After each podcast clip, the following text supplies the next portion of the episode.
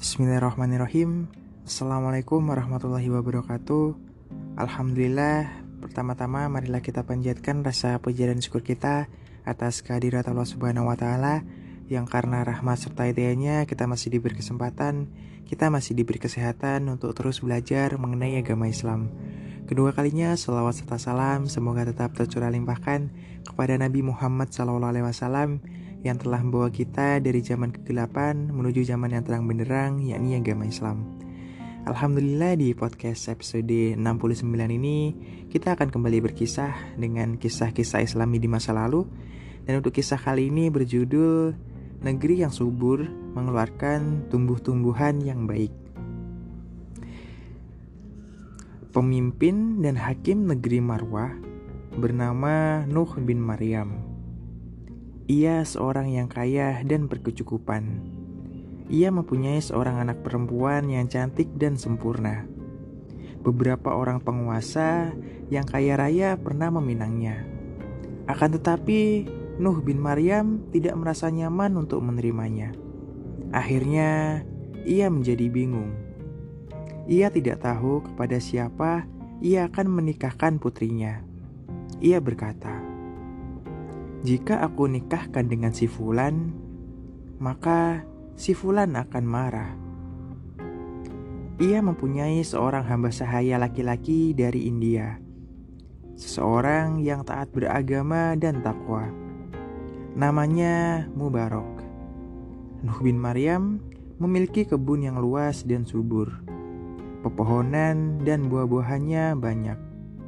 Nuh bin Maryam berkata kepada hamba sahanya tersebut, Aku ingin agar engkau mengurus dan menjaga kebun ini. Hamba sahaya itu mengurus kebun selama dua bulan. Kemudian Nuh bin Maryam datang ke kebun tersebut. Ia berkata, Wahai Mubarak, berikanlah setangkai anggur untukku. Lalu Mubarak mengulurkan setangkai anggur. Nuh bin Maryam merasakan anggurnya terasa masam. Maka ia berkata, "Berikanlah yang lain." Kemudian Mubarok mengulurkan setangkai lagi, juga anggur yang asam. Nuh bin Maryam berkata, "Mengapa semua anggur yang kau berikan dari kebunnya besar ini semuanya asam?" Mubarok menjawab, "Karena aku tidak tahu mana yang manis dan mana yang asam. Nuh bin Maryam berkata, Subhanallah, dua bulan engkau tinggal di sini, engkau tidak tahu makan yang manis dan makan yang asam. Mubarak menjawab, Demi Allah, wahai tuanku, aku tidak pernah mencicipinya. Oleh sebab itu, aku tidak tahu mana yang asam dan mana yang manis. Nuh bin Maryam bertanya, "Mengapa engkau tidak memakannya?"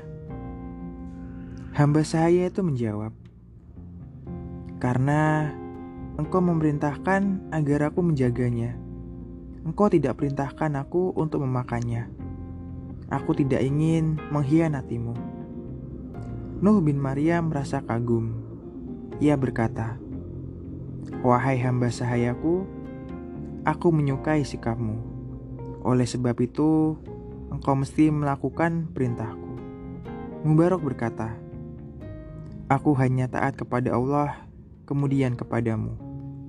Nuh bin Maryam berkata, Ketahuilah, aku mempunyai seorang anak perempuan, banyak pembesar dan orang terkemuka yang telah meminangnya.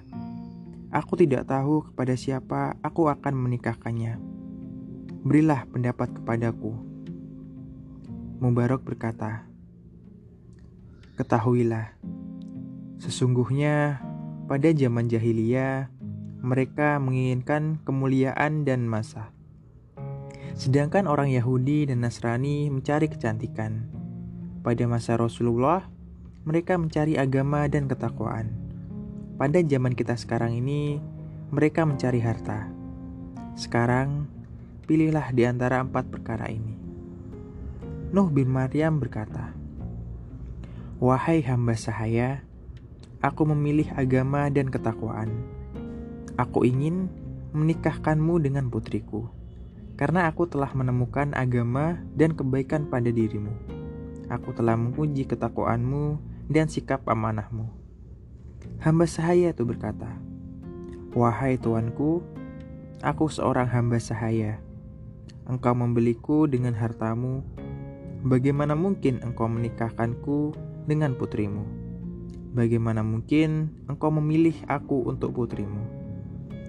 Nuh bin Maryam kembali berkata, Marilah kita ke rumahku untuk mengatur masalah ini. Ketika mereka berdua sampai di rumah Nuh bin Maryam, ia berkata kepada istrinya, Ketahuilah, sesungguhnya hamba sahaya ini adalah seorang yang taat beragama dan bertakwa. Aku suka kepada kebaikannya. Aku ingin menikahkannya dengan putriku.